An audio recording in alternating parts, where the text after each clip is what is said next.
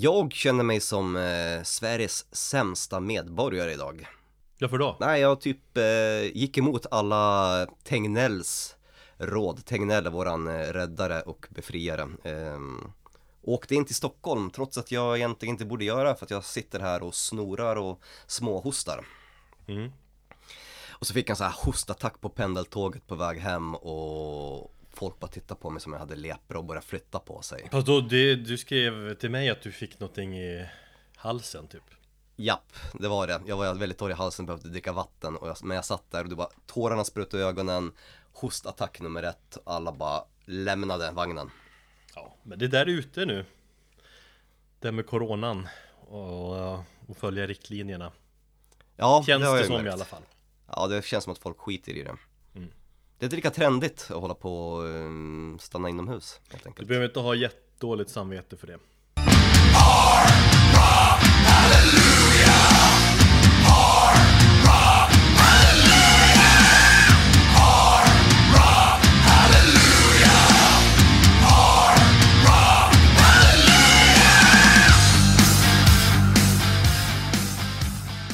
Hej och välkommen till det 119 avsnittet av Metalpodden. Med mig Erik och med min kollega Thomas. Hej Thomas. Tjena! Det här är då det sista avsnittet Någonsin för den här säsongen, för säsong 9 Lite trist ändå får man väl säga att avsluta med ett så ojämnt tal som 119, eller hur? Det hade ju varit snyggare om jag hade avslutat med 120 Ja, i de banorna tänkte jag ju tidigare också, men eh, fuck it. Nu är det schools out och, och sommarlov. Jag låter som jag är 12, men det är ungefär så jag ser på saken. mm, Jag var ju sugen på att köra kanske ett avsnitt till Jag var lite, hade den känslan i mig, men det var inte du, du ville ha semester från allt Jag behöver ett rejält break från det mesta. Ehm, och jag har två veckor kvar på jobbet. Och sen så tar jag semester och lite pappaledigt. Det blir nog bra med semester, vi får försöka ladda hjärnan med pepp För det finns inte så mycket sånt för mig just nu känner jag, jag Å andra sidan tänker jag att podden har varit jävligt bra att ha under den här coronavåren också det, det har varit någonting att koncentrera sig på liksom och ägna tankarna åt Vad ska jag lägga tankarna på nu då vi tar en paus från poddandet? Dina jävla rosor. Ja, men det gör jag också jag får, ja, Sol och Lyfta bad skrot. blir det väl Ja, lyfta skrot och hålla käften Nej, jag måste faktiskt säga att peppen hos mig är ju eh, ganska minimal just nu. Men jag, eh, ja, jag är nog utarbetad. Och jag har nog insett att det här corona har nog stressat mig mer än vad jag har själv velat erkänna. Så att ett break från det mesta behövs just nu och bara få vara, vilket jag är ganska dålig på. Nej, jag tror att det, det är bra för oss båda, men jag har känt av dig lite grann och tänkt på dig. Jag tänker på dig ibland Thomas och känner att eh, ja, du skulle nog må bra av att inte göra så mycket. Bara chilla. Ja, Ehm. det, jag är ju jättedålig på att chilla och jag, jag hade en diskussion med Karo, hon är ju så extremt duktig på att liksom kolla på serier som är helt värdelösa för henne men hon kan, som hon är inne på, fan vet jag, nionde säsongen av en serie som hon fullständigt hatar. Hur fan kan du sitta och titta på det? Man känner inte att ditt liv wastar iväg. Jag måste göra någonting produktivt. Men jag har väl insett att konstant hålla på att vara produktiv och göra saker hela tiden och ha en hjärna på högvarv är inte heller så jävla smart. Nej, du får skärpa dig. Mm. Men det blir bra det här. Jag tycker också att vi ska passa på och eh, vi ska passa på att tacka alla våra lyssnare nu. Ni- Ni som har följt med oss ännu en säsong. Det betyder mycket och man blir lite så här. Eh, Jag blir lite extra glad när ni skickar långa meddelanden och skriver om hur mycket podden betyder för er och så. Då blir man rörd som fan. Man känner en gemenskap till er.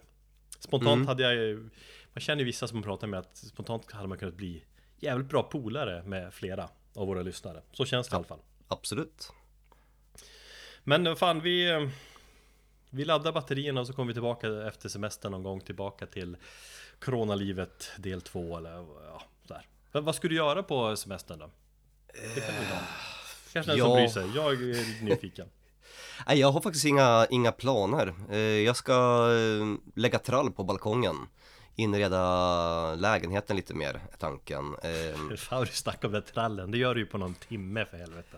Eh, ja, jo absolut, men det är ett projekt som jag har sett fram emot att få göra, jobba med händerna även om det är inte sådär jätte, jättesvårt så behöver jag liksom skära och passa in lite grann. Så jag ser fram emot att få göra det.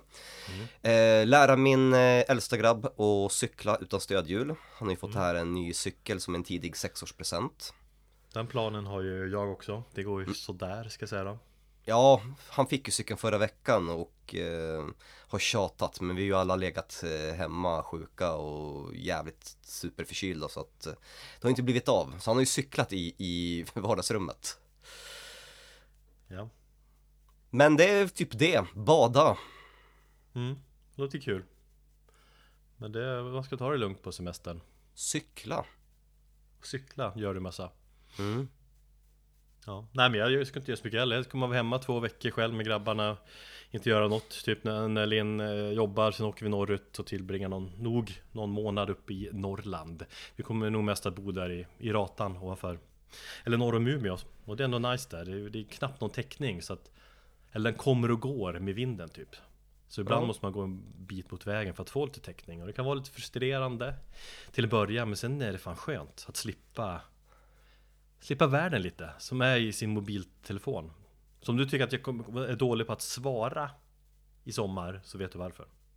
Ja, jag kommer nog vara lika dålig också. Jag har funderat på att ta en jävla paus ifrån eh, det mesta. Mm. När det gäller eh, skärmar och sånt där. Jag känner att jag behöver det. Eh, Jag hoppas dock att du sätter din sambo och dina två barn i bilen och åker hit någon helg.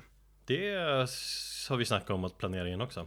Mm, så att jag hoppas att vi kan styra upp det. Jag har ju redan bestämt eller planerat en helg och vi ska göra så. Mm. Vi måste bara kolla på vilka helger det finns. Man snackar ju alltid om sommar, det finns så jävla mycket att göra. Hur mycket tid som helst och alla man ska hinna träffa alla, men så hinner man inte med någonting alls. Exakt. Så är det. Men skit i det här då, privatlivet nu. Det är ju en musikpodd vi sysslar med, känner jag. Och... Eh, eller vet inte, jag drivs ju av sånt som peppar mig om vi ska komma tillbaka till peppen. Och den här coronatiden, den drar ner peppen för alla. Det är inga festivaler, det är inga spelningar. Det känns som att många skjuter fram sig, releaser och plattor. Har du tänkt på Blabbermouth-nyheterna som man ändå brukade gå in, i alla fall jag, ganska ofta, ganska frekvent sådär äh, tidigare. Det, det är ovanligt trist, det händer ingenting. För två år sedan så valde jag aktivt att sluta läsa den eh, musiksidan för jag tycker det bara skit.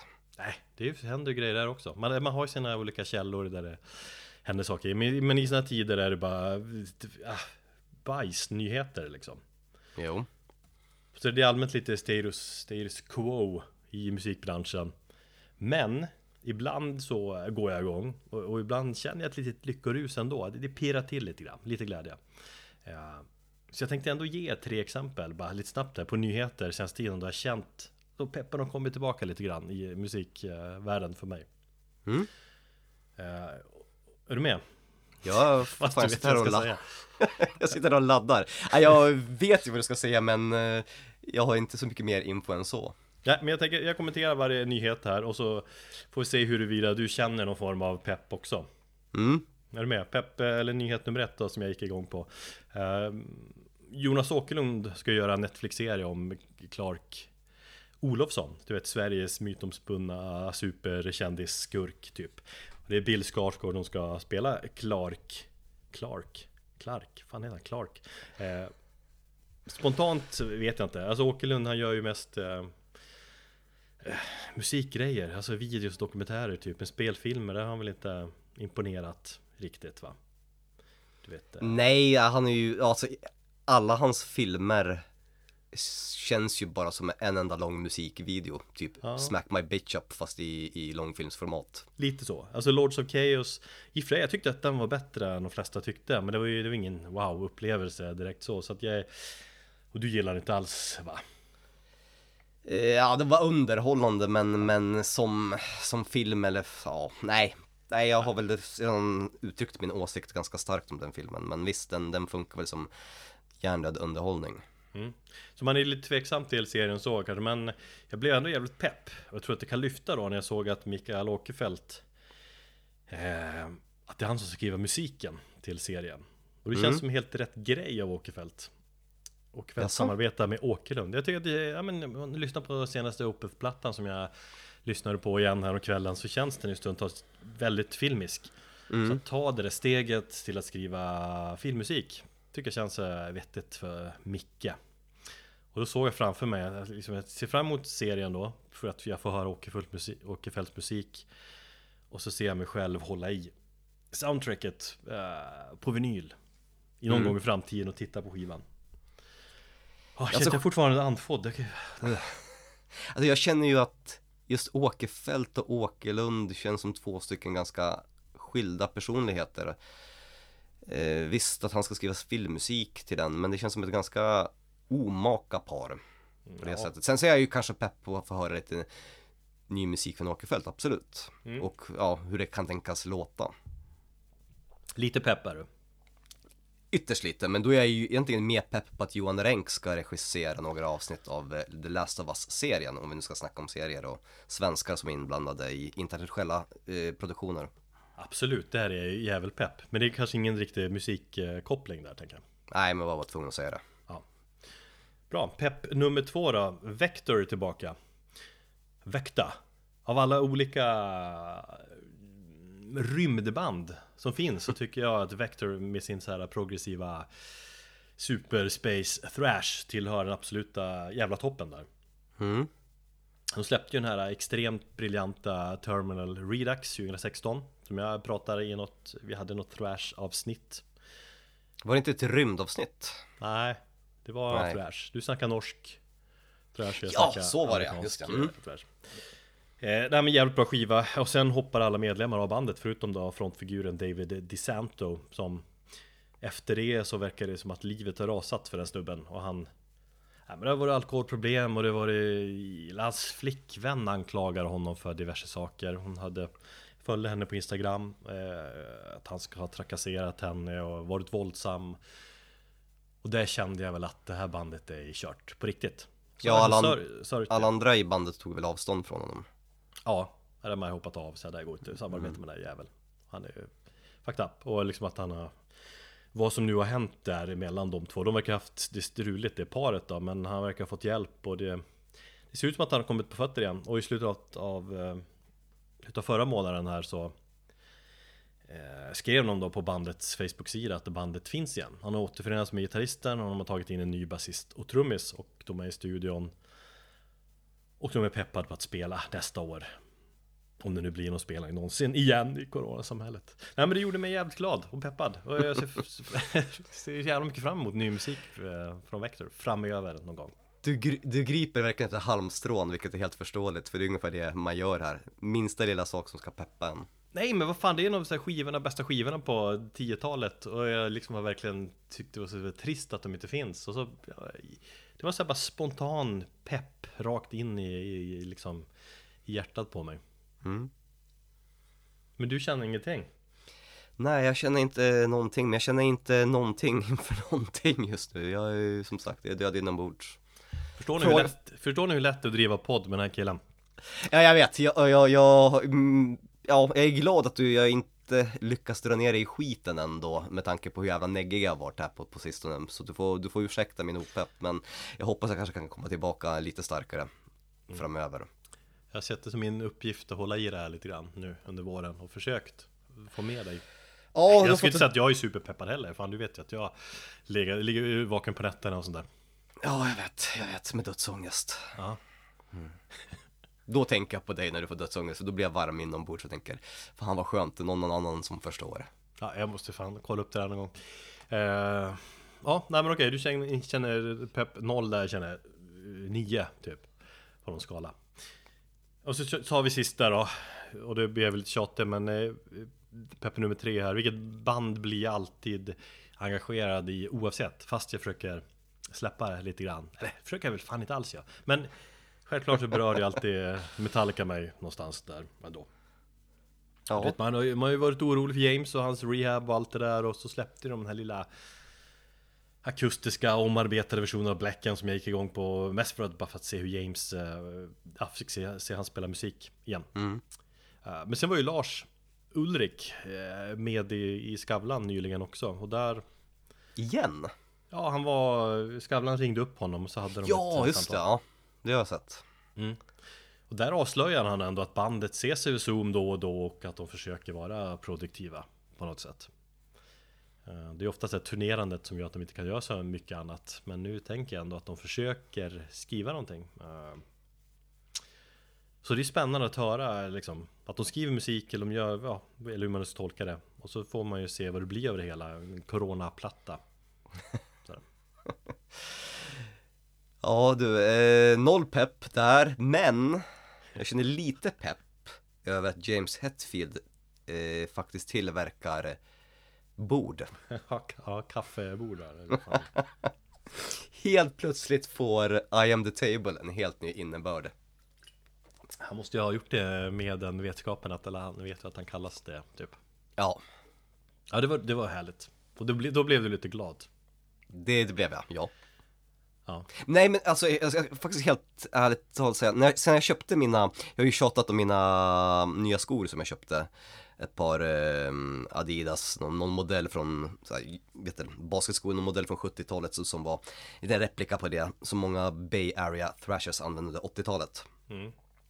När jag köpte dem så fick jag en jättestor Metallica-pepp, så jag har ju lyssnat på Metallicas fyra första album väldigt mycket. Ah, inte väldigt mycket. Du har ju inte sagt, har du inte alls sagt till mig. Nej, jag har inte sagt det till någon, men jag har spisat mycket Metallica. Ända upp till, jag drog faktiskt genom Load här i, i, i typ lördags. Mm. Och kände, fan, gött ändå. Alltså Load åldras ju bra. Har vi varit inne på ganska mycket uh, tidigare. Men det är, det är en fin platta. Ja, jag tycker det.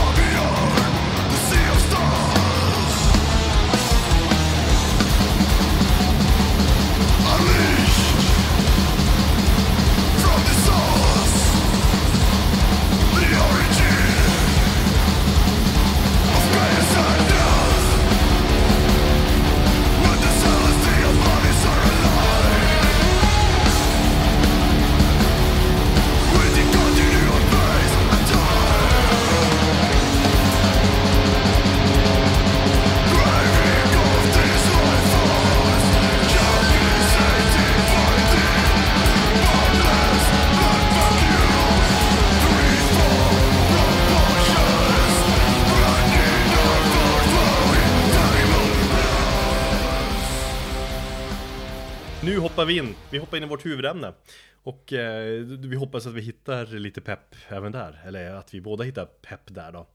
Eh, det är ett patronämne den här gången.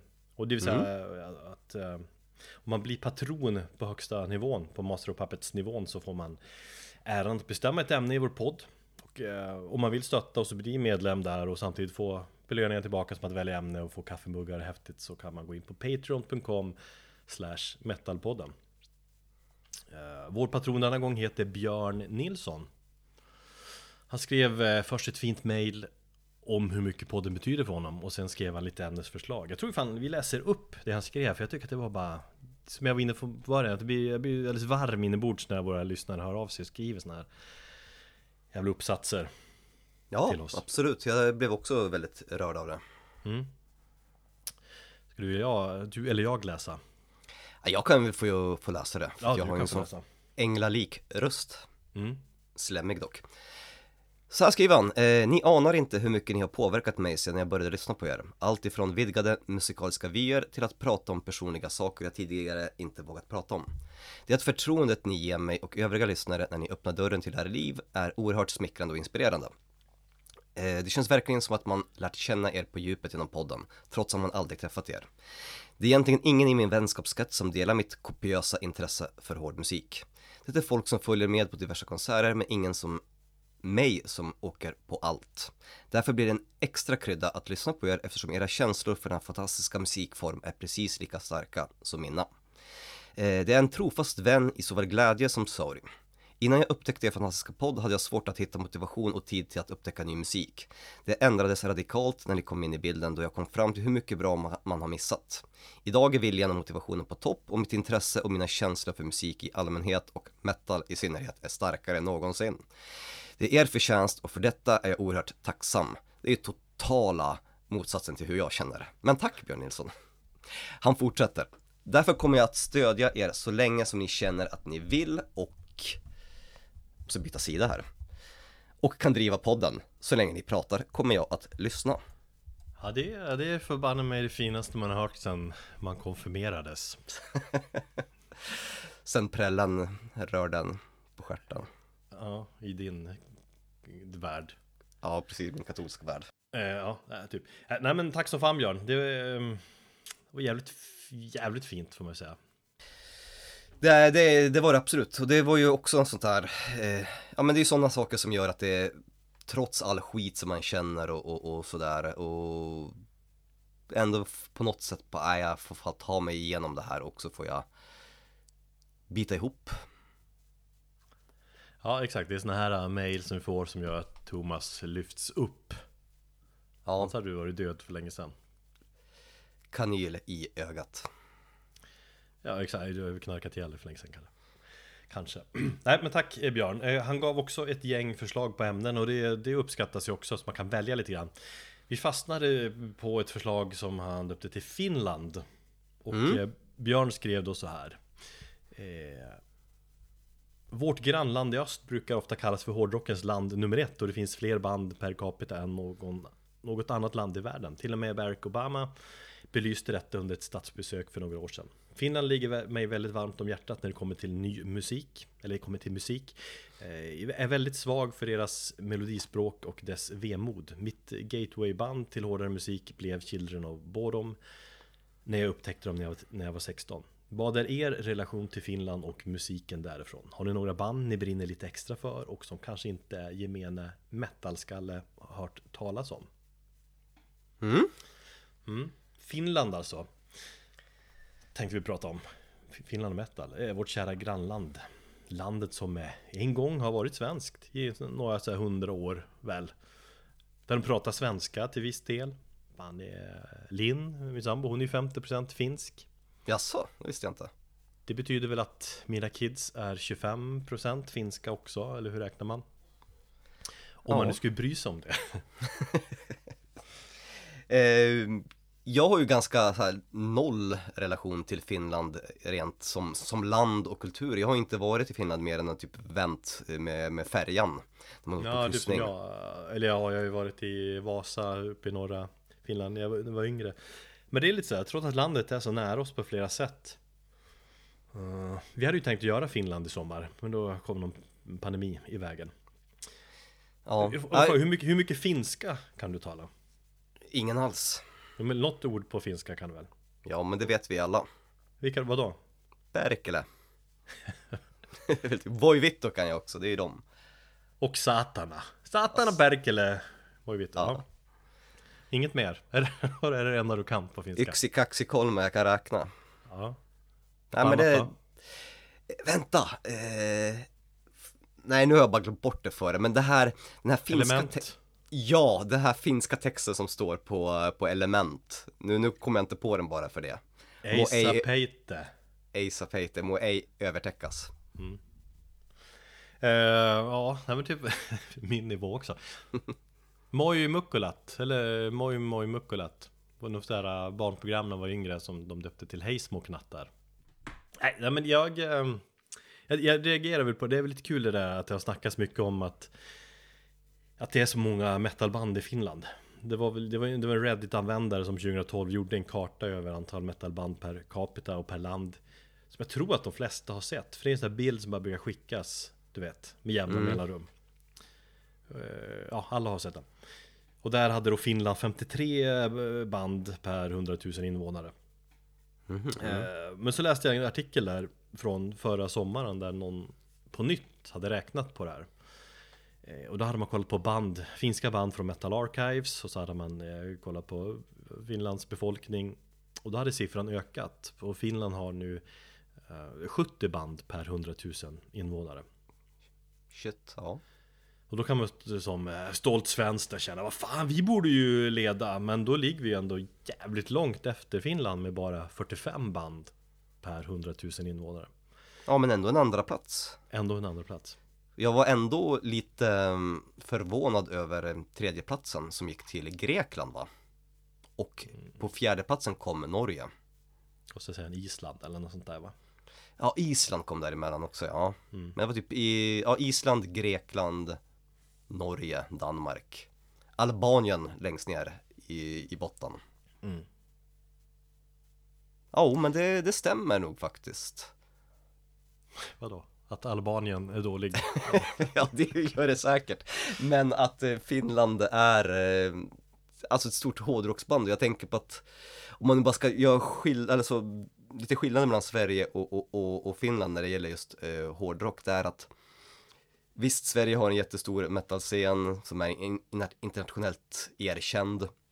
Eh, vi har många stora band som kanske verkar på mer ja, global mainstream-nivå. Jag tänker på band som Ghost och sådär. I och för sig, det har väl Finland också, men jag tänkte på Nightwish och Lordi och sånt.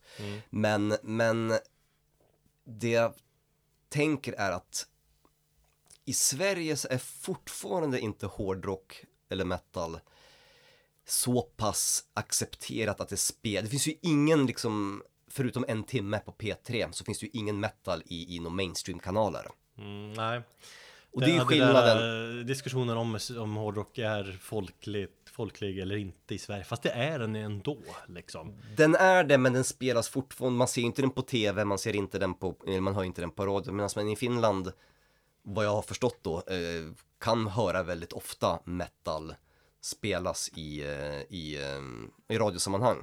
I Sverige är det mest oj, fan, kommer det på, jag var ju någon gång här, jag hörde Opeth eh, från senaste plattan då, eh, spelas på P3, jag blev helt förvånad, det var så här, oj, rockmusik i svensk radio. Det är inte vanligt, medan det är nog ganska vanligt i, i Finland. Ja Samtidigt har vi de här äh, reklamradiokanalerna där det spelas mycket hårdrock Det finns många sådana kanaler ja, men, eh, Ja, sig. men, En annan sak som är lite anmärkningsvärd också är att finländsk metal är ändå relativt nytt Eller den, den var tidigare ganska liten så på 80 och 90-talet och så För att sen liksom explodera totalt under bara av 2000-talet och framåt Och då tänker man ju på nämnda Nightwish där och Him och eh, Children of Bodom, eh, Lordi, Apocalyptica och så här. Alltså just till exempel Nightwish är ju så jävla stora. Jag, jag läste att de är på plats om det stämde men, eller plats tre över mest säljande artister i Finland genom tiderna. Det är ju helt sjukt. Ja, fast ändå, det låter ganska rimligt. Ja, men det är, det är väl anmärkningsvärt i alla fall. Ja. Så är det. Sen får man ju säga också att Finland som ämne, att snacka Finland, det är ju jävligt stort. Det är ett stort hårdrocksland som sagt. Så det blir ju svårt liksom, eller det blir omöjligt att täcka i hela landet såklart. Vi- skulle ju inte göra ett avsnitt som heter Sverige direkt. Ehm, så vi tänkte att vi tar en liten, liten bit av den finska metaltårtan. Ja, en ytterst eh, liten bit. Det blir ju eh, typ en smula nästan. Ja, en liten smula. Dock spontant om... ehm, du kanske kommer få lite skit. Eller mi- min, min relation till Finland, eh, eller finsk metal, är inte särskilt stark. Alltså, jag har ju såklart lyssnat liksom, på många finska band genom åren, så, men det känns som att jag har en betydligt starkare relation till Sverige. Eller till, till Norge till exempel. Om man ska Ja, jämföra. absolut. Jag har betydligt fler favoritband därifrån. Tror jag. Jo, men så är det ju. Samma för dig då, eller? Ja, alltså min musikaliska relation till, till Finland är nog ganska liten och jag blev varse det när jag typ letade efter, ja men gjorde lite research vilka band man ska prata om och så kände jag så att det är fan många band jag har hört talas om men aldrig riktigt lyssnat in mig på. Förutom några fåtal, jag hade ju en väldigt intensiv Nightwish-period i, i tonåren. Va? Ja, absolut. Ja. Ja, och Children of Bodom, eh, som vi kommer komma fram här, eller kommer prata om här lite om en stund. Ehm, men där stannar det. Idag så, så lyssnar jag på jävligt mycket på, på Hooded Menace till exempel, de gillar jag ju. Ehm, men annars så, så har jag förvånansvärt lite koll på, på landet, alla banden som finns. Mm. När vi frågade vår finska vän Kim här om, om en, en, ett gäng band som han kunde kanske tipsa om så var det många band som han snackade om som jag inte kände till alls. Nej, men det var väl lite, lite underground-scenen också, ska jag säga. Det, det var några intressanta band där faktiskt. Ja, ja, jag började tappa koll överhuvudtaget Mm. på allt. Ehm, Men man kan väl säga någonting om finsk metal i allmänhet? Kan man, kan man definiera finländsk metal? Vad är typisk för, för finsk metal? Jag tänker ju på, på för- först och främst två saker när jag tänker på finländsk metal. Opolitisk black metal. Eh, Va? Nej. Alltså, nej. Ja, det, finns hel, det finns en hel del opolitisk black metal eh, inom stationstecken då eh, i, i Finland. Men eh, jag vet nog vad du tänkte säga, men låt höra. Mm, ja men Björn, vår patron var väl inne på det också. Dels tänker jag på, på vemodet. Mm, absolut. Det känns som att eh, Det känns som att det här finska vemodet på något vis Och det är en känsla man har att det genomsyrar allt. I musiken, i naturen Det liksom ligger i folksjälen på något vis. Det där fåordiga, det är bittert men vackert ändå. Mm. Det känns som att folk är sig själva där på något vis. Eller vad jag, jag tänker på Den här Typiska bilden Fördomsfulla bilden av en, liksom en norrlänning när man tänker lite Finland. Något åt det hållet Ja, jag, jag förstår precis vad du menar. Och det andra jag spontant tänker på när jag tänker finländsk metal Det är ju en melodisk dödsmetall Det känns som att den genren är jävligt stark i Finland Det var exakt de två sakerna jag också tänkte på. Ja Så att vi är på, på samma bana där. Ja men just för några av de största banden från Finland håller ju sig runt omkring den typen av scenen Killer och Bodom Insomnium, eh, Amorphis med, med flera liksom Jag tror att den bilden som du precis nu har beskrivit det är kanske den generella bilden av finsk metal som man hade eller som man har om man inte gräver djupare för det finns ju som sagt mycket mer. De har en ganska cool om en liten typ krustscen. Eh, ja, black metal-scenen är ju ganska stor även om den är som sagt eh, i största mån tvivelaktig. Ehm, Ja, du har ju de här symfoniska banden tänker jag som var väldigt stora på 90-talet. Det kanske, men visst, Nightwish är fortfarande stora, men själva just symfonisk orkestral musik kanske inte är lika hett idag som det var i slutet av 90-talet.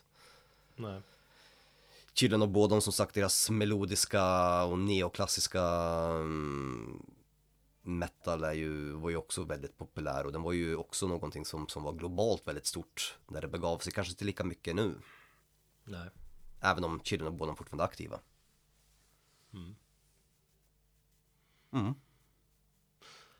Vi gräver inte så mycket djupare så, eller Nej, vi, vi kan lämna det där och så kan vi väl kanske bara nämna, nej men som sagt, jag funderade lite grann på hur man skulle lägga upp det här ämnet och tänkte att Vi har lagt Ja. upp det olika om vi säger så Ja, precis. Ehm, istället för att presentera eller radda upp en massa band och prata om band som man gillar så tänkte jag att jag skulle koncentrera mig på, på, på ett band medan du hade lite annorlunda tankegångar. mm. Eh, Så jag tänker koncentrera mig på, på Children of Bodom uteslutande.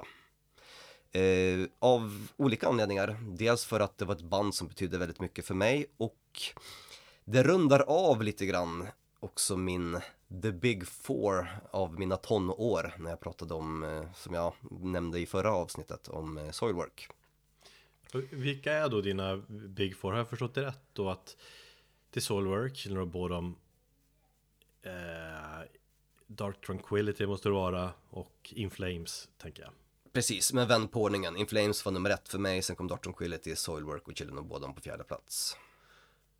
Spontant känns det ju som att du kanske borde ha med At the Gate också. I för det är en personlig lista. Det är inte liksom allmänt vad folk...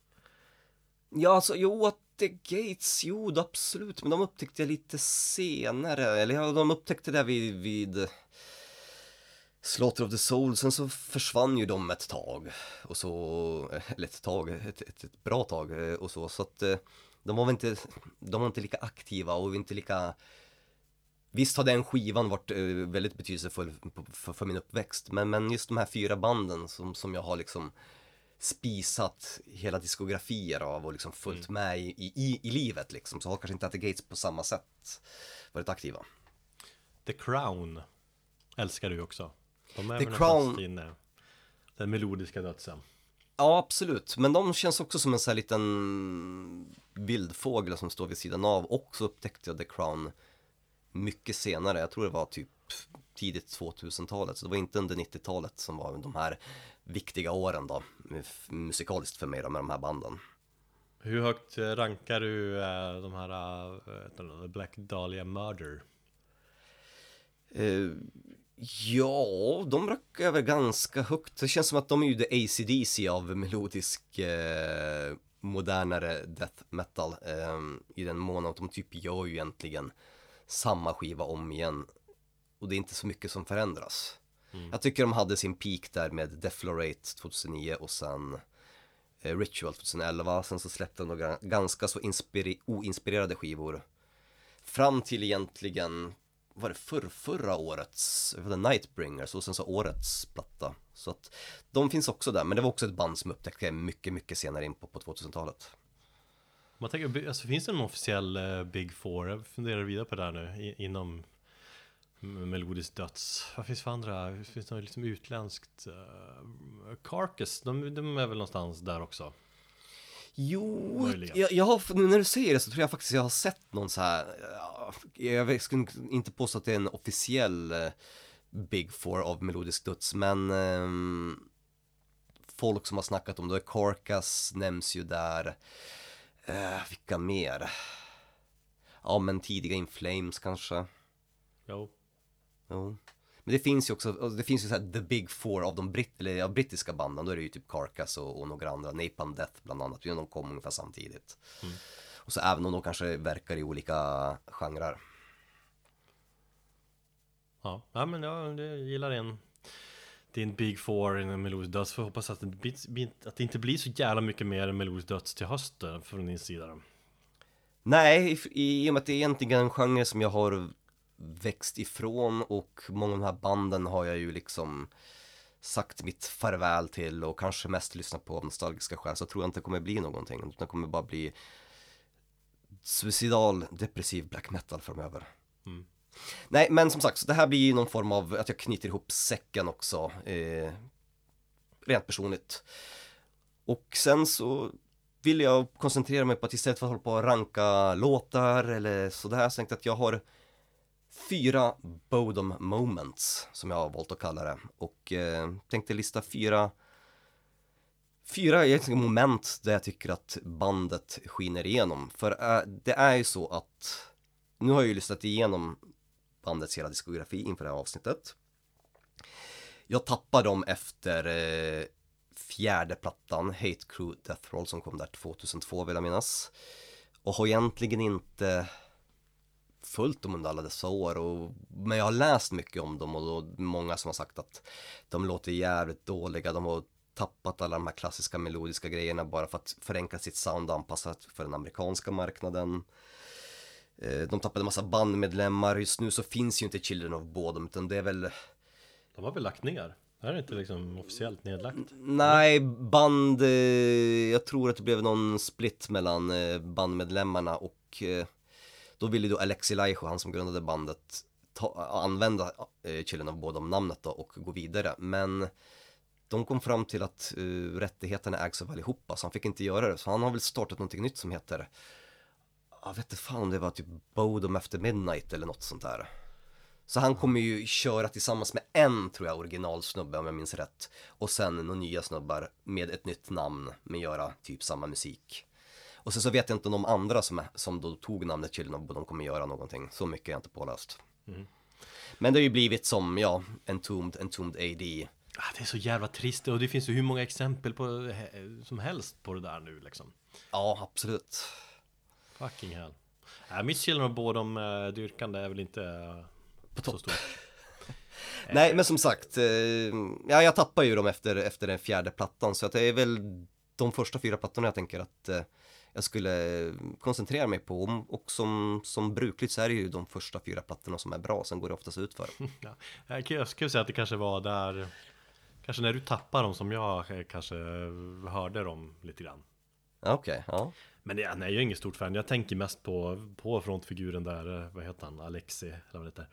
Och hans eh, V-formade gura, det är väl någon ESP signaturgitarr han har, Ja, möjligen. Men det var jävligt länge sedan jag hörde dem, men, och jag har ju lyssnat igenom de här låtarna, men jag, jag tycker att deras form av melodisk döds är ganska eller de använder mycket syntar och det, det är liksom, det är nästan det är power metal stundtals i känslan. absolut.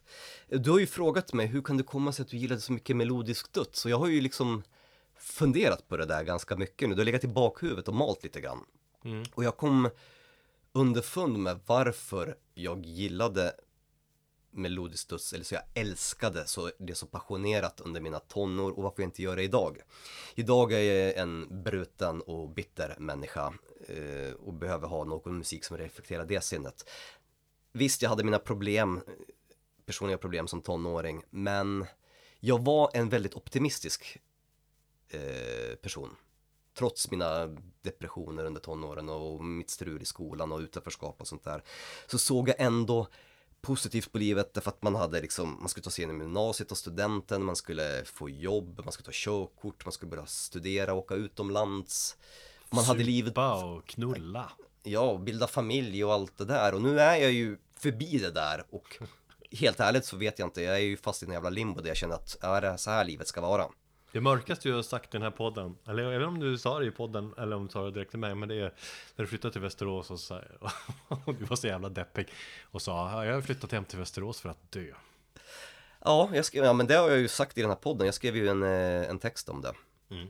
Som jag faktiskt ska ta och skriva om här nu, för jag har fått lite inspiration för att skriva nu. Det Eh, kan du göra i sommar. Det ska jag faktiskt göra, det glömde jag nämna. Jag ska faktiskt ta den texten, jag skrev en typ dikt, prosa, lyrik. Ehm, om just det ämnet jag kom hit för att dö. Eh, men jag tänkte att jag skulle göra det till en novell istället och jag hade en liten tanke. Så jag ska sätta mig och bara skriva en, en kort novell. Men tillbaka till, till uh, mellodödsarna, jag gillar att säga mellodöds. Mellodödsen. Lite koppling till Melodifestivalen, det är lite mello över det. Eh, det är väl mer att du har släppt de här banden, men du har ju, alltså det är inte så att genren, du gillar ju ändå genren, ju som sagt Black Dahlia Murder gillar väl liksom Eller gick du igång på senaste plattan där? Lite grann.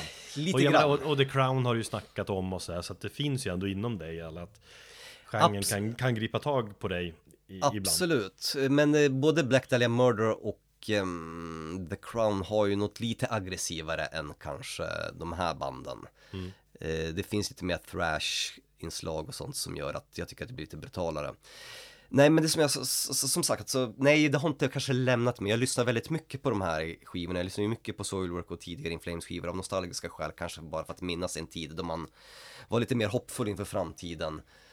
Och, och, och liksom då var den här glädjande musiken och med alla de här solorna och alla det här melodiska språket som de använder i musiken väldigt peppande för mig.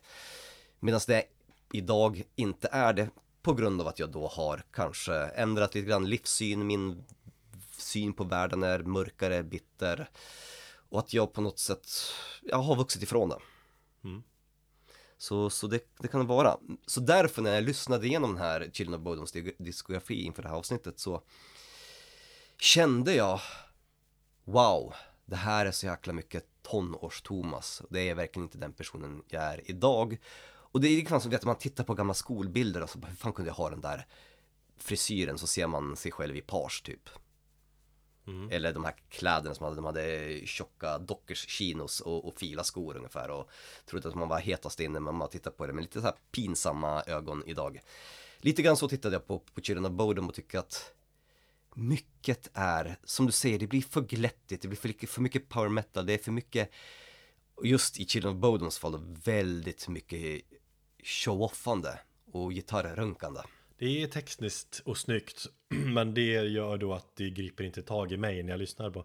Men är det inte det som är bandets grej? Att det är just power metal-influenserna är så tydliga i att det är det deras liksom nisch inom, inom eh, mellodödsen. Ja, frågar du Alexi Laiho så ska han ju börja dra åt helvete för att han är ju allmänt eh, bara vill inte liksom sätta någon label på, på sin grej och folk har väl försökt att labla deras musik på olika sätt och han säger bara att vi spelar bara extrem melodisk metal, det får räcka liksom. Sen så får folk sätta sina egna sub-labels på det. Ja. Ehm, nej men han känns ju också som en sån här person som om man lyssnar eller man läser texterna, speciellt på de tidigare plattorna. Det, det känns ju väldigt mycket tonårs ångest och mycket så här, men jag är arg på, på, på, på systemet, fuck you ungefär. Lite um, Rob Flynn, um, put my fig- middle fingers in there ungefär. Och säga motherfucker lite för många gånger i en och samma låt ungefär. Ehm, så att det, det. Men jag måste ändå säga att jag lyssnade även på senaste skivan, Hext. Så jag tror jag släpptes, var det i typ januari förra året? Eh, den var faktiskt förvånansvärt bra. Den kändes mycket mognare, det känns som att de typ 20 åren som har gått sedan jag senast lyssnade på Chino Bodom så har han också vuxit till sig lite grann och blivit någon, någon form av medelålders man som, som kanske inte behöver skrika 'fuck you' i, i, i var och varannan låt. Nej, 20 år är, en, det är några år. Ja. Eh, kul, kul kuriosa, ett av mina absolut första live fram, eller livekonserter som jag var på i myndig ålder var faktiskt med Children of Bodom. Vart och när? Eh, 2002, Fryshuset med eh, vad fan, Shadows Fall och Soilwork som förband. Cool. Jag var 19 tror jag och liten, tanig och typ var på väg att bli ihjälklämd i publikhavet. Jag stod längst fram i när det började morsas. Casulosa perkele! Yeah, yeah,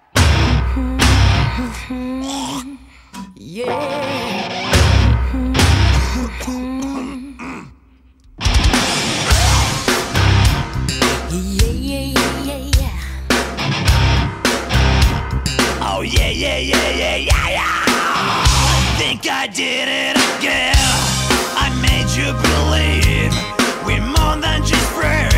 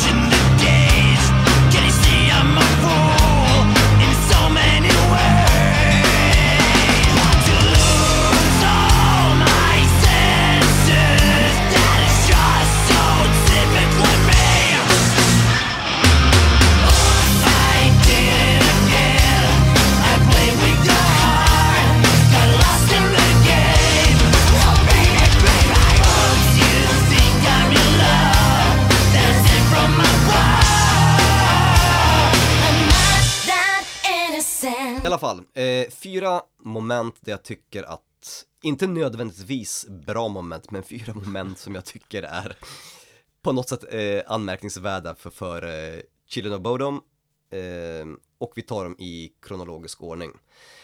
Eh, och som sagt, eh, Finland var ju egentligen inget stort, eh, alltså musikaliskt, eh, ett, ett land som man, man kanske anmärkte under tidigt 90-tal. Det fanns en liten metalscen som började tror jag i slutet av 80-talet. Men det var ju faktiskt Children of Bodom som satte eh, landet på kartan och sen som gjorde att det hela tiden, ja allt sprang upp och, och, och band eller ja, landet exploderade så pass mycket nya band. Så det är väldigt mycket man ska kreditera just Children of Bodom. Eh, namnet är tagen från, är taget från eh, eh morden vid sjön Bodom någonstans i Finland. De, det var ju tre stycken tonåringar där som mördades eh, 1965 och det är ju så här, det är ju Finlands motsvarighet till Palmemordet. Ja, fick jag in det idag också. Eh, det har ju aldrig blivit uppklarat eh, hur de här morden skedde och det har ju aldrig hittats någon gärningsman även om de har typ så här, det har varit mycket åtal och rättegångar in på 2000-talet där man försökte hitta bevis och någonting att det kunde, kunde vara någon av de här killarna som sen, sen tog livet av sig. Men det är så här, det är ju ett mytomspunnet mord i, vid den här sjön som har blivit väldigt omtalat och de flesta i Finland känner till. Så då att ta, starta ett metalband och kalla sig för Children of Boredom känns ju ganska så genialiskt ur så här marknadsmässig eh, synpunkt tänker jag. Då tänker jag ju på det amerikanska bandet av Black Dahlia Murder som också är väldigt eh, ja, vad ska man säga, bestialiskt mord sådär Att de var inspirerade av Children of Bodom Tänkte vi ska också hitta något jävla bra mord Och så döper vår grupp till det Ja, nu tror jag ju i och för sig inte att Children of Bodom vad jag vet har varit någon stor influens på just Black Dahlia Murder. Jag tror att det är mer At the Gates och In Flames. Men absolut, skandinavisk metal har väl på något sätt Hela, hela genren har väl på något sätt påverkat den amerikanska scenen och de band som uppstod under sent 90-tal. Så är det Så är det. Ehm, nej men som sagt, han var ju 17 år gammal, Alexi Laiho, när han startade bandet tillsammans med sin partner nu som jag inte kan namnet på för tillfället. Ehm, och släppte några demos som han fick noll respons på. Så då sa han, fuck it, jag är 17 år, jag vill spela hårdrock och eh, ja, supa. Så att jag gör det här själv. Spelar de in eh, Something Wild, deras debutplatta. Och eh, fick ett eh, skivbolagskontrakt från Spine Farmer Records, har jag för mig att det var. Ett eh, ganska stort bolag, i alla fall under 90-talet. Och sen så exploderade det därifrån. Och det som är så kul på just Something Wild, och de har ju hela den här, deras maskot är ju liemannen, som de flesta känner till. Eh, Så han är ju frekvent på, jag tror jag, typ alla deras omslag på ungefär samma sätt som Eddie är det på Iron Maidens omslag. Förutom Dance of Death, deras sämsta skiva. Ja det är väl med där också Är han det? Det är väl någon platta han inte är med på. Eller? Jag, tror jag tror det är den skivan som han inte är med på. Fan, måste vi kolla Nu kommer Maiden-podden här och bara app, app, app, app, app. Ja, Eh, jo men då fan är han med där nu? Det är bara att det är så jävla fult Men han är, ju- han är ju liemannen, Eddie där Det kanske han är. Ja, skitsamma. Eh, Liemannen är i alla fall deras, som sagt, eh, maskot. Eh, och på den här Something Wild då, den röda plattan, debutplattan, så är det, man hör ju hur tekniskt duktiga de är, hur talangfulla Lexi Laiho är. Men det är ju väldigt mycket teknik och inte så mycket låt tänk utan det är bara riffa loss, lägga solon på varandra, lägga in syntar och sen så tycker jag att han, han är ju en ofantlig dålig sångare. Ofantligt dålig Ja, jag tycker att han är otroligt dålig. Eh, Hans försök till att sjunga rent på vissa låtar, det, det är skrattretande. Han har vissa tillfällen när han får till några bra growl och, skrik, men att han ligger också i det här liksom gränslandet. Bara, är det black metal skrik eller är det sång, är det dödsgrowl, vad är det för någonting? Det är väl också någonting som är ganska så unikt för honom, men och, svårt att sätta i fack. Men som sångare tycker jag att han är eh, faktiskt då lite bättre då på, på Häxplattan som kom förra året. För där kändes det som att han ändå på något sätt har kanske tagit i, jag tror att han till och med började ta sånglektioner sent in på, på 10-talet och kände att han nu vill göra någonting annorlunda. Så att han är ju självlärd på det sättet. Eh, nej, som sagt, så att första plattan, man ser ju potential i musiken, men det är väldigt mycket lösa idéer som bara plockats ihop. Och så har vi den här som jag kallar den då Gandalf-harpan, eh, som är väldigt frekvent på de två första albumen och som de sedan tonades ner. De har ju dels gitarrsolon som avlöses av syntsolon och sen så har de väl, jag antar att det är en synt, bara att det är ett annat läte. Det blir det här lite vet, trubadur rollspelskänslan. Ja, okej. Ja, jag, jag, jag förstod inte riktigt vad du, jag lyssnade på så bara, vad fan menar du med Gandalfarpa. Gandalf-harpa? Men... Ja, jag- jag- jag det, är väl får- inte, jag- det är väl inte en, har, det är väl inte en harpa? man har? Nej, jag vet, men jag kallar den bara för Gandalf-harpan för jag, det enda jag ser framför mig är eh, den här memen på, på Gandalf när han står med och typ blossar i sin pipa och sen ser jag bara typ små hobbitar som springer omkring och, och, och spelar på någon banjo eller harpor. Ungefär. Så jag har valt att kalla den så. Eh, In the Shadows, In the Shadows. Då tänker jag ju direkt på superhitten In the Shadows med bandet Rasmus. Ja just ja fan, usch. Men, men där var väl ändå Bodom först? Måste de ha varit. Absolut, det var de. I och det här... Bombus har ju också en låt som heter In the Shadows som senaste plattan. Mm. Ja. ja, det här var ju 95 som var ju garanterat före. Men eh, Gandalf-harpa, synt, kalla vad, vad du vill. Det låter ibland bra, ibland låter det mindre bra. Som jag tycker i det, i det här fallet så blir det väldigt mycket buskis på just låten In the Shadow. Psst.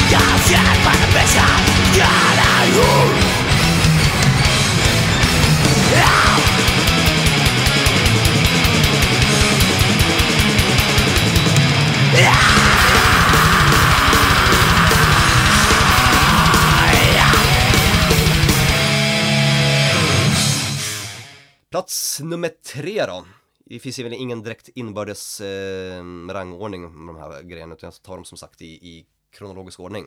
Plats nummer två borde det bli då. Ja okej, om jag räknar nerifrån. Ja men det blir nummer två då. Ja, jag fick till Petter. Ja men alltså okej, ja. Den gröna skivan. Eh, Hate Breeder. Där hade de skärpt sig lite grann. Det är fortfarande... Ja, de hade väl lärt sig ganska mycket, men det är fortfarande en väldigt mycket kopierat ifrån Something Wild. Men de har väl utvecklats, de har väl lärt sig att skriva låtar på lite bättre sätt. Det är fortfarande väldigt mycket alltså gitarrrunkande och, och syntar fan överallt och den här Gandalfarpan kommer in, inte lika mycket, men den finns där. Men här ser man ju också eh, Alexi Laihos eh, talang för, för klassisk musik eh, och just det här neoklassiska som är, ja men vi känner från, från så här giganter som eh, Yngve Malmsten till exempel och de här vet, tekniska gitarrvirtuoserna. Han är ju väldigt inspirerad av, av, av dem. Det är jävligt coola gitarrer på den här låten, det håller jag med om. Mm. Men det är också framförallt väldigt mycket power metal i känslan här också. Alltså, jag säger inte att det är dåligt, det är bara att det är väldigt tydligt. Mm, absolut. Men eh, just på eh, Hatebreeder och just på låten Towards the End så tycker jag att eh, de här gurorna funkar ypperligt.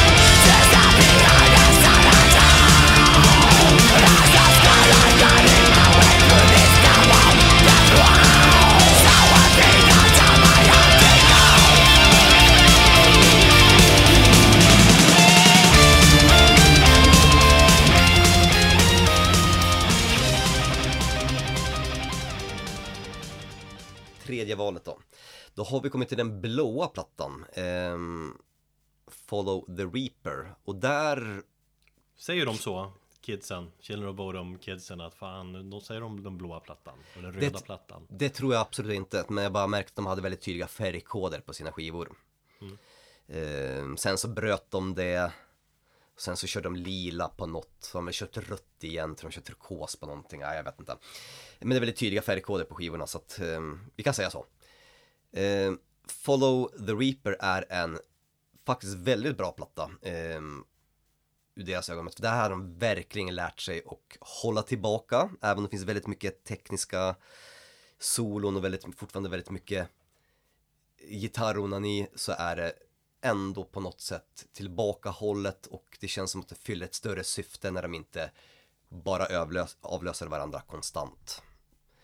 Eh, här tycker jag också att eh, musiken kändes lite mer mörkare. Den kändes seriösare på något sätt. Eh, och Alexi Laiho blev ju lite bättre på att skriva texter, även om mycket, ah, kanske inte, men det var ju inte bara konstanta tonårstext utan det var ju kanske någon form av mer filos filosofisk tänk på det. Och så tyckte jag att eh, hans sånginsats var så betydligt mycket bättre på, på tredje plattan än på de två övriga.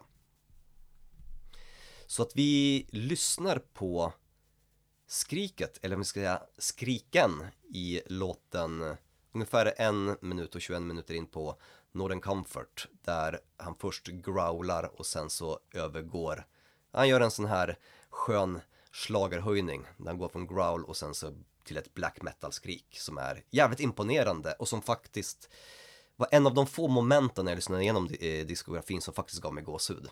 Mm, ja men det var, var fint. Jag gick igång lite grann på det också. Ja, Northern Comfort.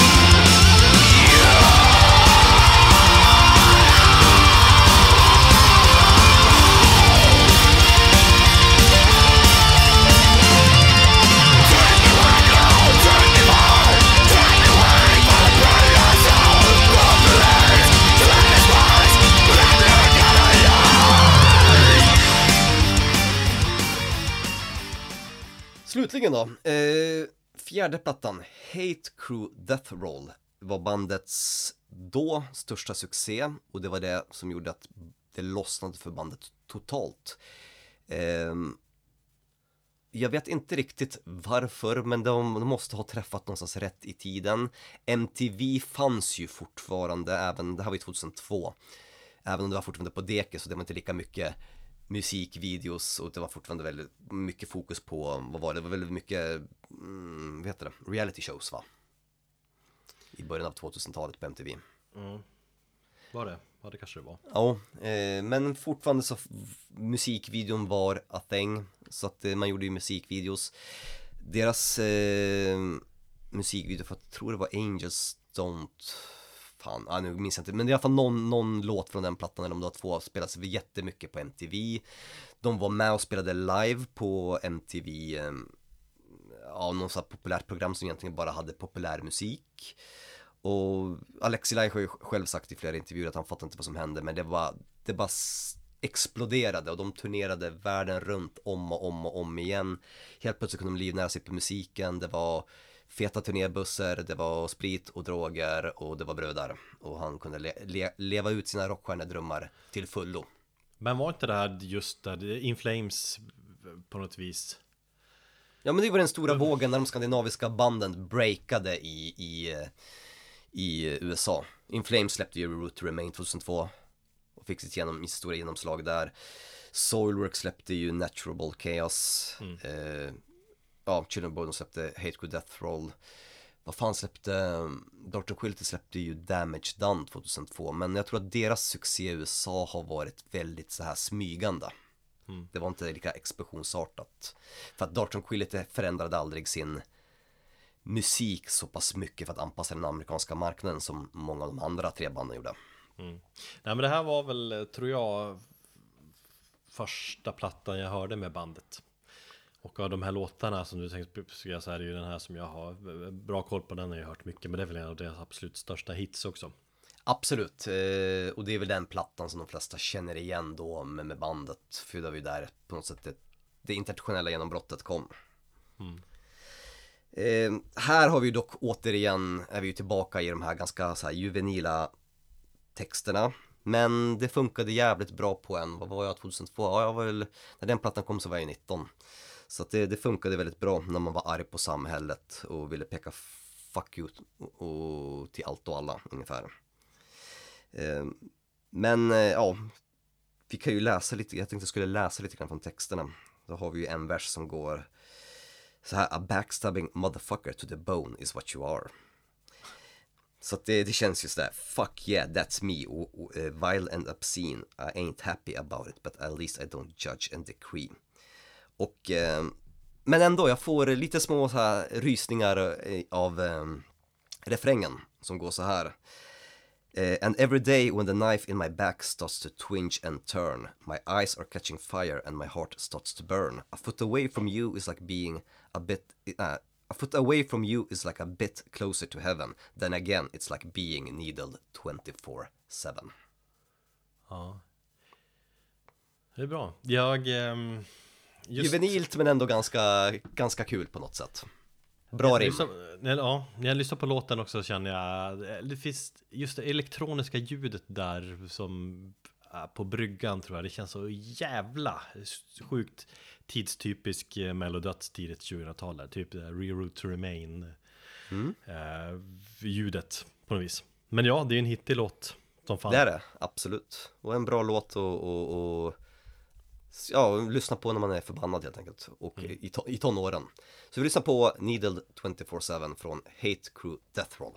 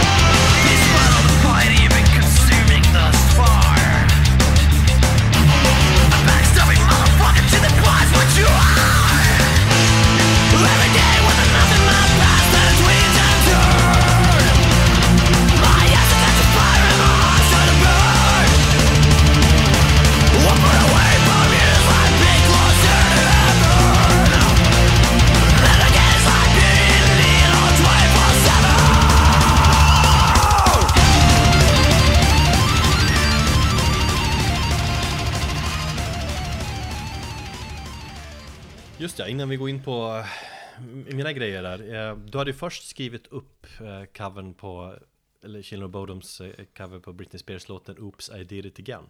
Ja, Eh, Men den tog du bort. ja Hur- Vad tänkte tänk- du där? därför att eh, jag tänkte att jag skulle klippa in den i eh, som en eh, brytlåt mellan vårt snack här långt innan vi pratar om det här. Mm. Så nu har du ju förstört allting. Har förstört den. Du kan ju kanske kan så- spela den ändå. Ja, Men ja, så att, så att de har, alla som lyssnar på det här avsnittet har ju redan hört den eh, covern. Nej, eller så klipper du in den nu istället då. Det kanske jag också gör. Men var- varför ville du spela den först? Eller tog, vad, hade, vad tänkte du säga om den? Ja men först tänkte jag jag skulle göra, alltså de värsta Children of Bodom moments, fem Alltså totalt vidriga moments. Eh, Och så kollade jag upp alla deras covers. Och de har ju eh, gjort otroligt många covers. Eh, Jag skrev ju upp allihopa, sen så tänkte jag, nej jag orkar inte gå in på det. Men det är ju Okej, eh, det är Aces High med, eh, Iron Maiden. Det är, vad fan det är, Silent Scream med, eh, med från Slayer då. Eh, Och de flesta slaktar dem så jävla brutalt Det, Ja, det det är var, bara jo, men det, jag kom fram till samma sak, för jag såg den covern och så tänkte jag bara då moments, jag tyck, tycker Thomas att det här är bra? För att den är ju faktiskt helt värdelös ju. Det är en urtypen av dålig cover, just den här Britney Spears. Ja, ja, men den, den är ju inspelad när den var dyngraka och det, det hör du ju när du, när du, när du lyssnar på låten att det, det är inte på något sätt meningen att ta seriösa, de är dyngraka i studion och så bara var det ju också så här fuck you moment att kolla, vi kan göra vad vi vill, vi tar en jättepopulär låt, någonting som står rakt emot hårdrockare och det här kommer säkert göra en massa andra hårdrockare förbannad att vi, gör en cover på en känd poplåt. Ja, fast det är liksom det där för mig urtypen av dåligt val, och- eller det är mycket så här, eller den där typen av cover är ju typ såna här, ja men YouTube-musiker eh, gör ju sådana covers. Ja, Eh, och det är ofta sådana här länkar också jag får från typ folk man känner som inte är liksom inne i hårdrockssvängen så bara Har du sett den här covern? De har gjort, bara fan, typ har de tagit någon känd poplåt och gjort den i metal eh, tappning. tappning och det är ju ja men typ, jag försöker komma på något bra men eh, den är Rihanna Luke. Umbrella. Umbrella. Första Nej, jag det är tänkte på. ur- urtypen liksom hur man bara känner att nej det är fruktansvärt.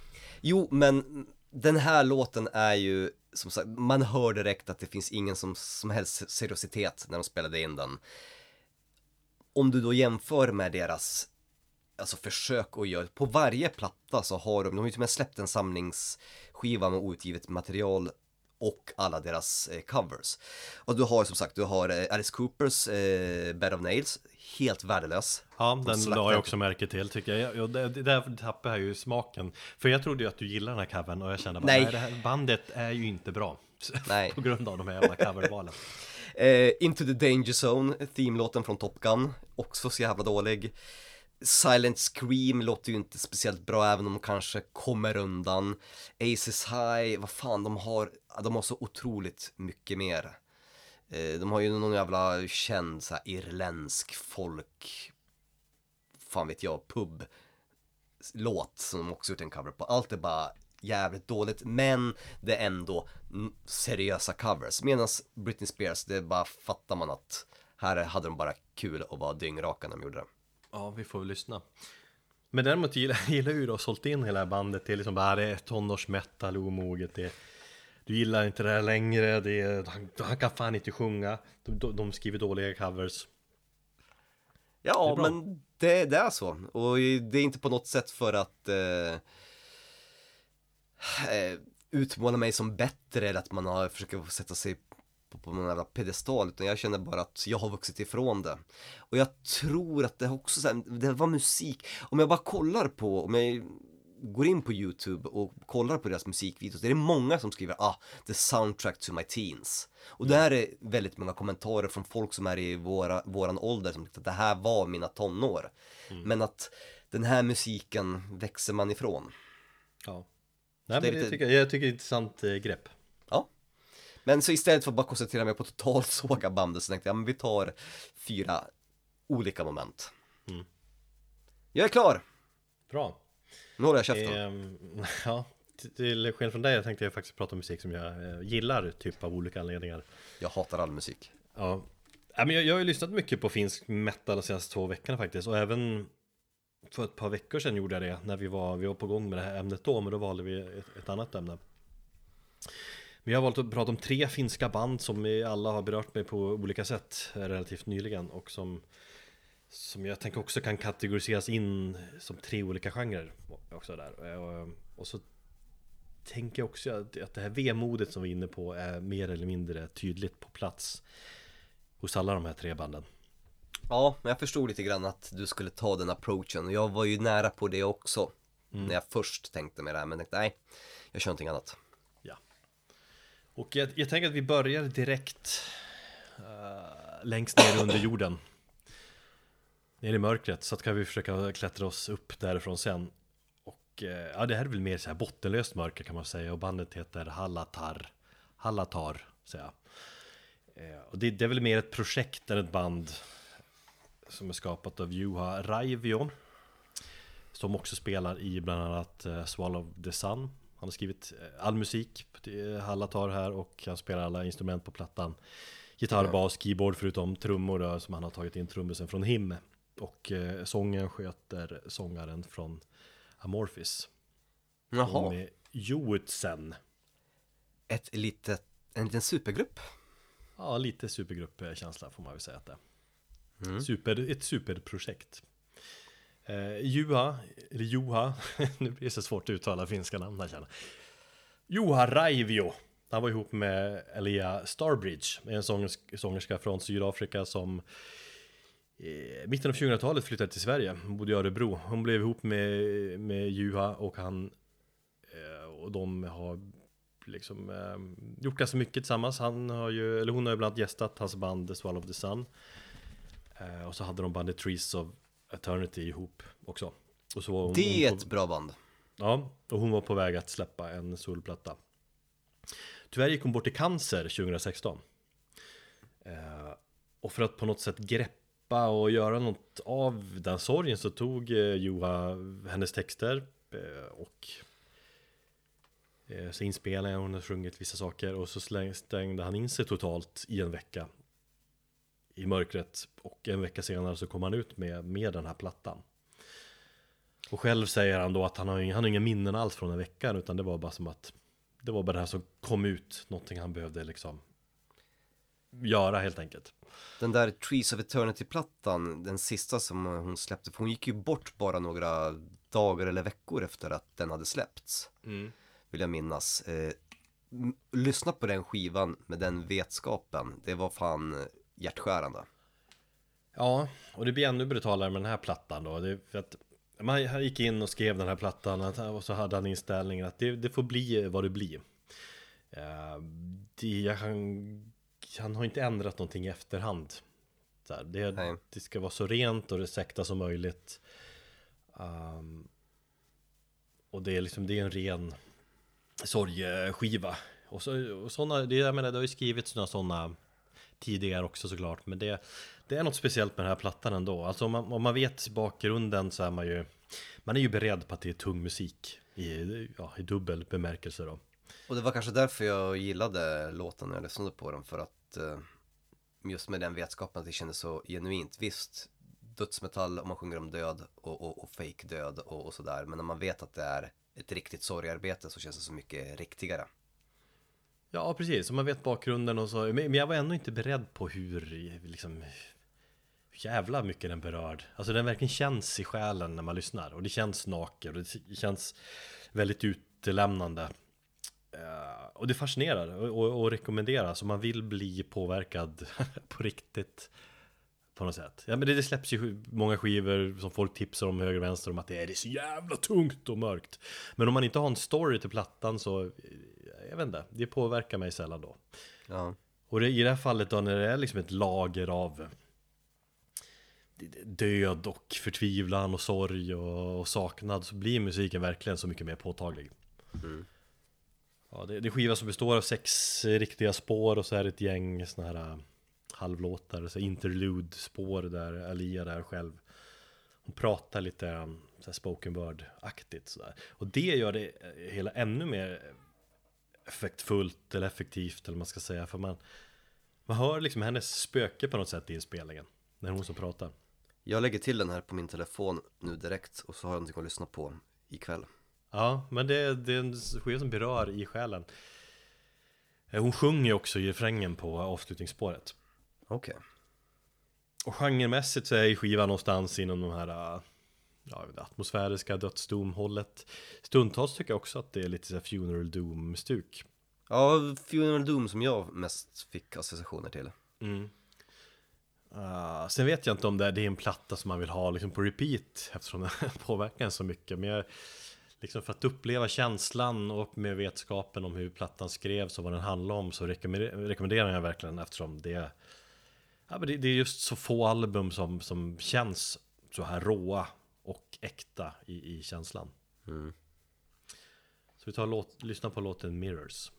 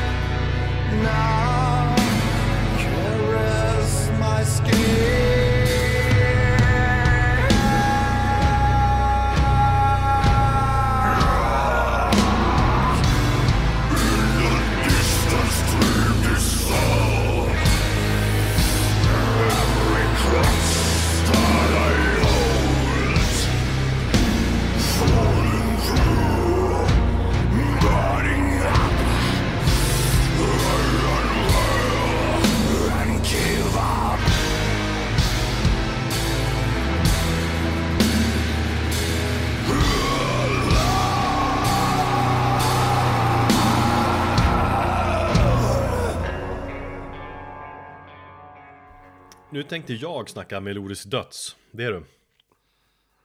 Jahopp. Japp, och, och det tänkte jag göra i form av bandet Insomnium. Och innan du går vidare så måste jag erkänna att jag har fan ingen koll på banden Insomnium, Winter Sorrow och Winterfilleth. De tre banden, skulle du spela upp något så skulle jag inte kunna säga vilket av dem det är. Jag det är ihop väl- de tre. Det är väl fine. Det är väl Så Insomnium. jag, jag, ja, jag vet inte om jag har hört Insomnium. Nej, okej. Det kan mycket väl ha varit någon Winter Sorrow-låt som jag trodde var Insomnium. Insomnium i alla fall, om det är gäng finnar, de här stammar från den finska staden Joensuu i östra Finland. Det är väl den största stad, eller så större stad som ligger längst österut, närmast Ryssland. Sjukt jobbigt om de hade varit från Tjeckien. Ja. Nej, jag vet inte om det är intressant att de, men det, det kanske det är. Det känns som att det är det är extra bittert eller någonting där, den här äh, ryska gränsen. Eh, Bildades 97, första fullängden kom 2002, så att de har ju funnits där runt 20 år. Och det är väl de här, man kollar lite grann så här. Finsk metta så kommer de väl ofta upp på listor över stora, kända band, bra band från Finland. Ja men det känns som att typ Insomnium, eh, Swallow the Sun, ja förutom den här Nightwish och Children of Bodom som är givna när man, när man googlar finska metalband. Ja, lite så faktiskt. Eh, Jag har väl stött på dem då och då. Jag tror att jag började lyssna på dem i slutet av eh, 00-talet. Och så brukar vi lyssna på Eller jag brukar lyssna när de släpper nytt Men det är väl så här varannan platta som jag liksom diggar lite grann Mm. Och det, det jag gillar med dem är att Ja, ja alltså i grunden är det ju melodiskt döds Fast det är, det är mycket vemod. Det känns ganska storslaget i känslan i deras musik. Jag tycker att det det är ganska, ganska progressiva i jämförelse med om vi ska jämföra med Children of Bodom som är kanske lite mer standard mellodöds då. Mm. Så här är det lite mer, lite mer progressiva grejer. Och när jag går tillbaka och lyssnar på skivan tycker jag att de har ja, men Det är en så bra balans mellan det här eh, Mörka och, och ljusa på något vis. Ibland tungt och mörkt, ibland lite mer lätt och fint liksom. Mm.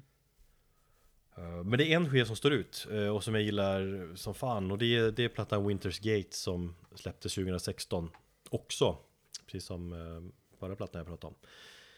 Som jag fastnade för då och som jag nu har återupplevt och som jag gillar väldigt mycket nu också, om inte mer faktiskt Det är en platta som skrevs egentligen lite som ett eh, Som ett experiment, de hade funnits ja, nästan 20 år och för att göra någonting annorlunda så um, bestämmer de sig, eller har de skrivit en enda lång låt, så 40 minuter lång låt då. Mm. Fast streamingversionen är ändå uppdelad i sju delar. Uh, På vinylen så är det en, en enda lång eller? Ja, precis. Men det, om man kollar Spotify så är det Winterskate Part 1, Part 2 och så vidare. Det är lite effekt ändå. Fan, då, där ska man ju titta på Bellwitch för en liksom watch and learn där och eh, vad var det, deras senaste skiva hade ett spår på en timme och 20 minuter och vad den är. Just ja. That's how you do it man. Mm. Temamässigt handlar Winter's Gate om, kan du gissa det? Winter's Gate. Nej, faktiskt inte. Jag tänkte jag skulle säga, säga någonting clever där men jag kommer inte på någonting. Om vikingar såklart. Jaså? Ja. Så du bara, vad fan? Nej men det är basisten som har skrivit en, en Shocking. story. Mm, precis. Han har skrivit en story om vikingar som ger sig ut och uh, letar någon så här uh, mytomspunnen ö någonstans i närheten av Irland.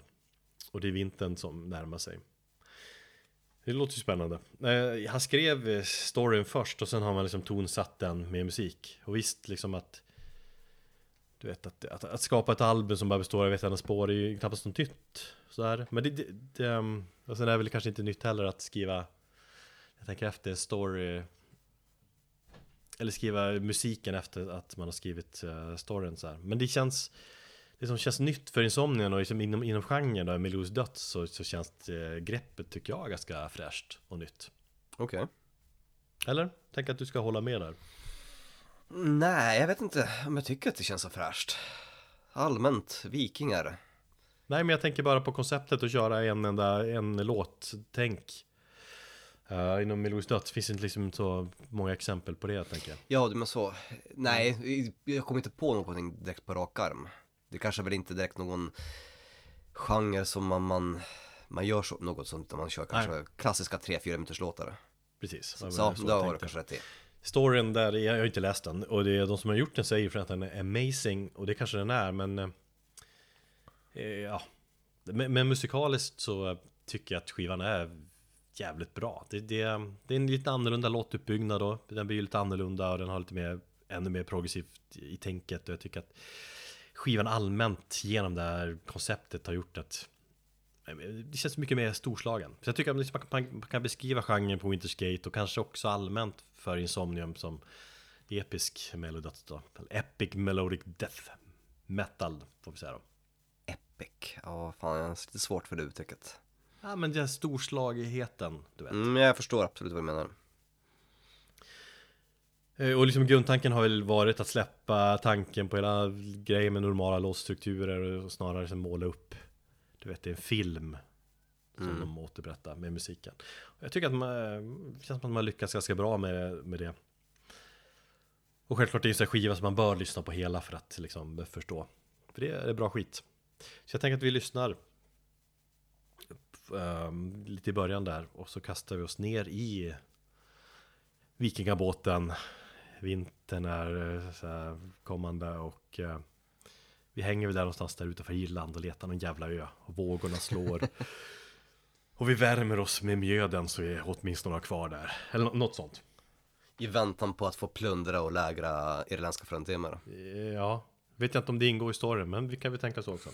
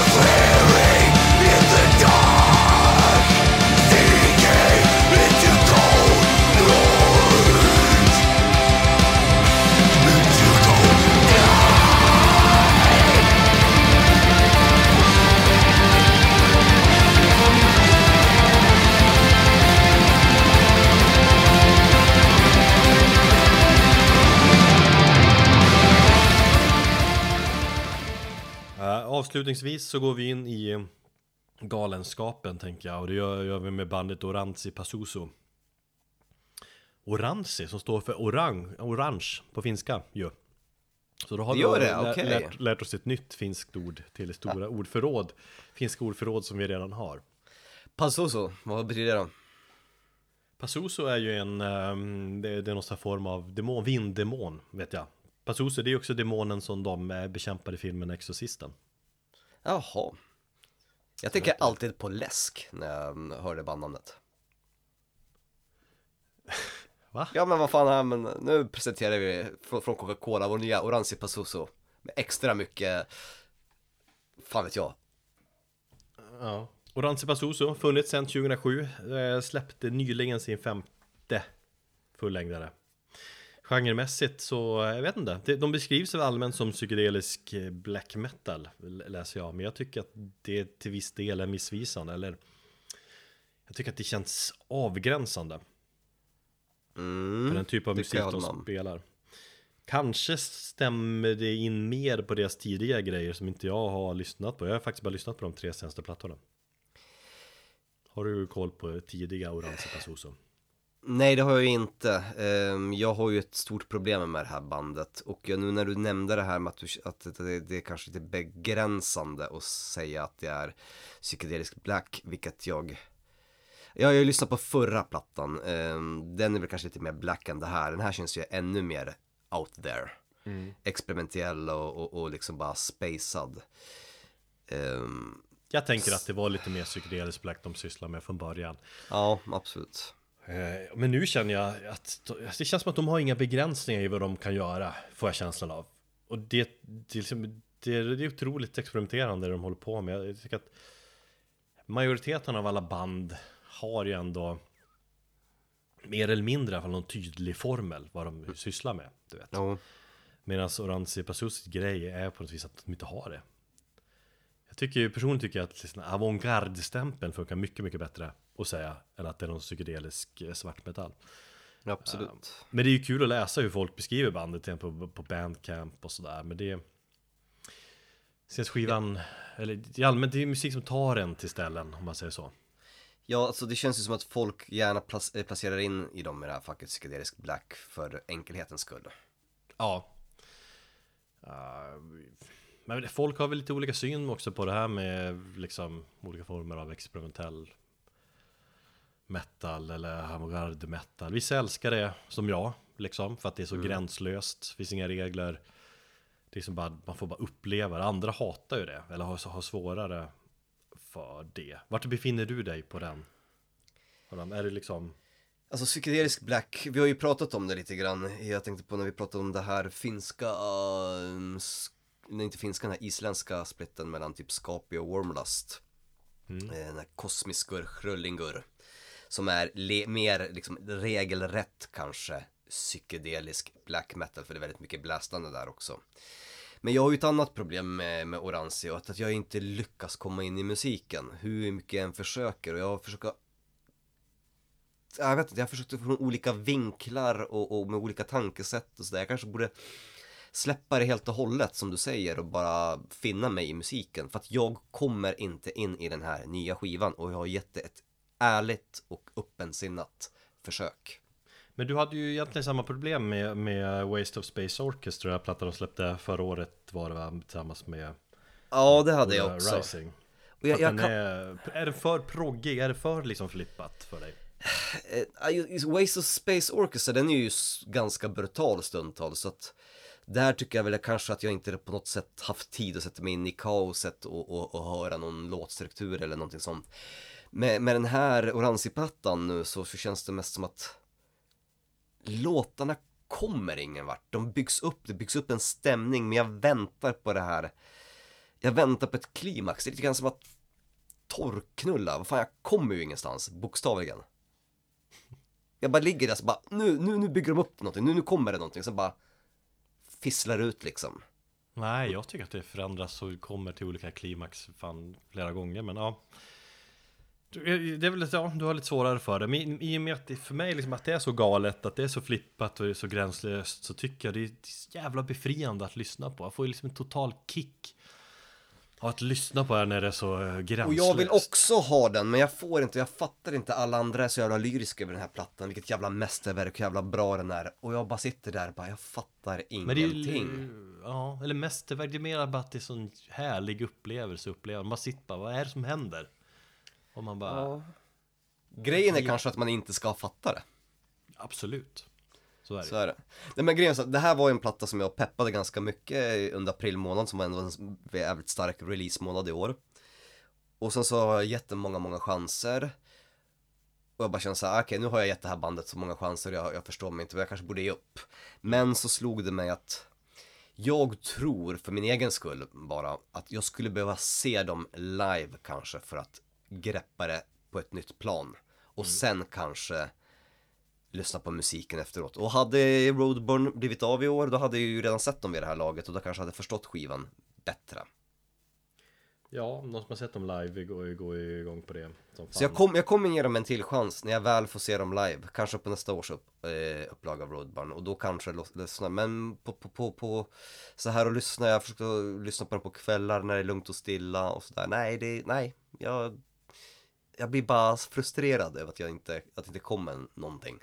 Men de jag vet släppte inte vad- ju faktiskt, de spelade ju, en streamkonsert för, det var väl ett antal veckor sedan nu som var så jävla häftigt. Ja, jag har sparat den. Jag har inte haft möjlighet att se den än, men jag tänkte jag skulle kolla på Men jag tror inte, det kommer inte heller hjälpa mig i mitt Jo, fall. men alltså det tror jag att det verkligen gör, för det var så Alltså Det var verkligen next level, vi har ju varit inne på de här streamingkonserterna som är varje helg Och ibland mitt på veckan också Men det här, de har liksom tagit det till Nästa nivå. För att visuellt så var det så extremt Snyggt och coolt. Tänker, vad fan kan, man, kan det se ut så här liksom? Ja, ni gick ju bananas över det i Roadburn-chatten där. Ja, så den bör du kolla, så kanske du får liksom en Ja, jag vet inte.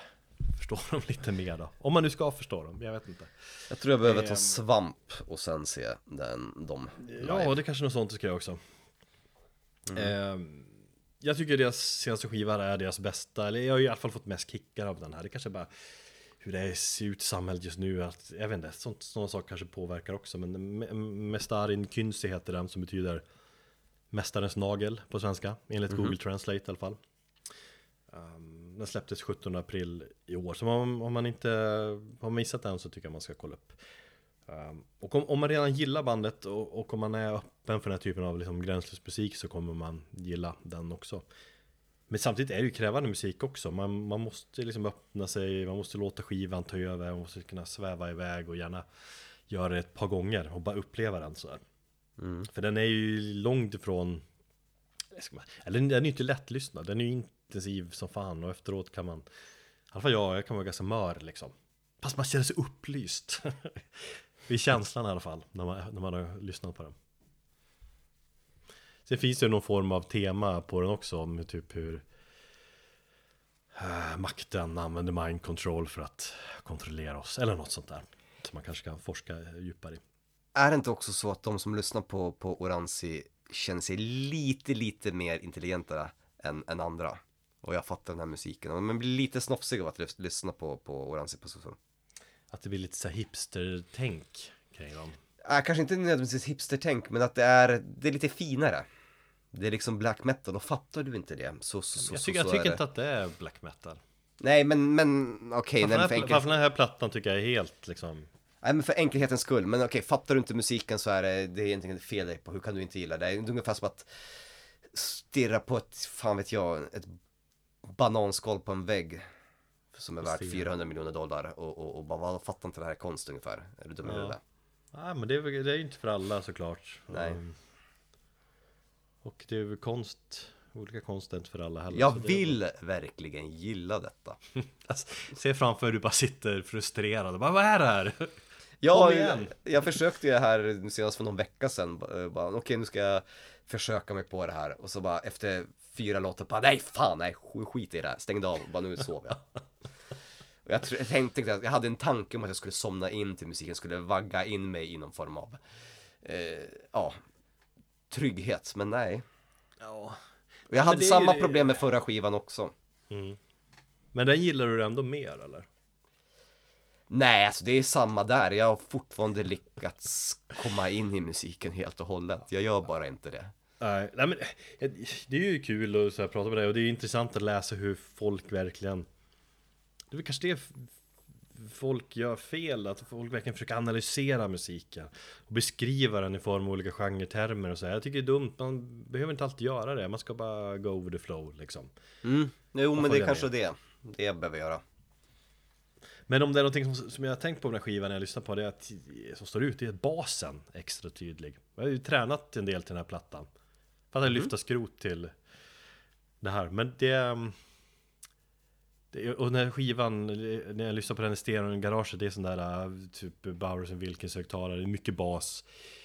Så ba- bas, basgångarna hörs liksom extra tydligt känns det. Man, jävligt psykedeliskt, jag gillar det som fan. Man sväng, ja All right. Mm. ut i rymden. Sen känns det också som att det, det är liksom att elektronisk musik mer än någonsin då är en tydlig influens på den här plattan. Det är mycket synt där och det gillar jag också. Mm. Det är coola syntar. Det är coola syntar. Mörka syntar. Space-ljud. Så om man vill uppleva liksom en mörk och kaotisk platta, men också ganska vacker sån tycker jag. Eller bara försvinna iväg en timme. Utan att ta knark. Då rekommenderar jag verkligen varmt den här plattan. Fan, Karo korkat upp en flaska vin här eh, och vi tänkte att vi skulle ha lite egen tid i- nu när barnen har somnat. Jag kanske ska stå på den där livestreamen ändå. Dricka ett glas vin och Ja, framförallt i början av streamen är det så jävla snygg, då är det bara vitt. Det var verkligen så här, wow. Gör det. Eh, Jag var i studion med vår trummis häromdagen och körde hem vid midnatt i halvmörkret och jag var lycklig och sådär. Vår trummis Du var full? Nej, det var jag inte. Nej. Jag, jag, jag var liksom hög på att bara göra någonting. Jag har inte kunnat repa någonting för vår trummis har varit sjuk i corona i typ två månader. Men eh, han mår bra nu. Nej, men då körde jag med den här plattan på full volym. Eh, och det är nästan farligt. För jag kände hur jag liksom försvann upp i musiken. Och det känns som att bilen bara flög upp i luften ut i rymden typ. Jag tänkte, "Vad fan det här är ju livsfarligt. Det här kan man inte lyssna på när man kör bil. Vad rökte ni i studion egentligen? Nej men det är ju musiken som jag säger det. Istället för sånt kan man ta och lyssna på Aronsi Oranzi Pasuso helt enkelt. Uh, så jag tänkte fan det här, det här går inte att lyssna på så satte jag på radio istället. Fast ändå är häftigt, häftig känsla hur jag bara gled in i musiken och typ glömde bort det. Just det, jag kör bil här också. Mm. Så jag tänkte vi ska lyssna lite grann och vi ska njuta lite av, för mig då, om man säger årets det är absolut en av årets absolut bästa musikaliska upplevelser so far. Så får man väl kanske beskriva det. Mm. Ja, alltså det är verkligen en speciell upplevelse. Jag måste bara lära mig att uppskatta den bättre. Ja. Eh, Ja, för, dig, för mig är en bra eh, musikalisk upplevelse, för dig är det en dålig upplevelse. Men det är ändå en upplevelse. Det, ja, exakt. Så är det. Och med det, innan vi eh, åker iväg där, så får vi säga det än en gång. Tack så fan för att ni lyssnar och hänger med och hängt med även denna säsong. Och nu ska vi ta semester och så här. Schools out. Säger du då som har blivit Alice Cooper-frälst på gamla dagar. Genom att Ja, det- köpa den mest kommersiella Alice Cooper-plattan. Ja, nej, väl bara för att man eh, ja, lever med, med, med barn som ska ha skolavslutning här nästa vecka. Mm. That's why. Gött. Nej men som eh, Ossi skulle ha sagt då, We love you all. Vad ska vi lyssna på då? Osi Technokrati.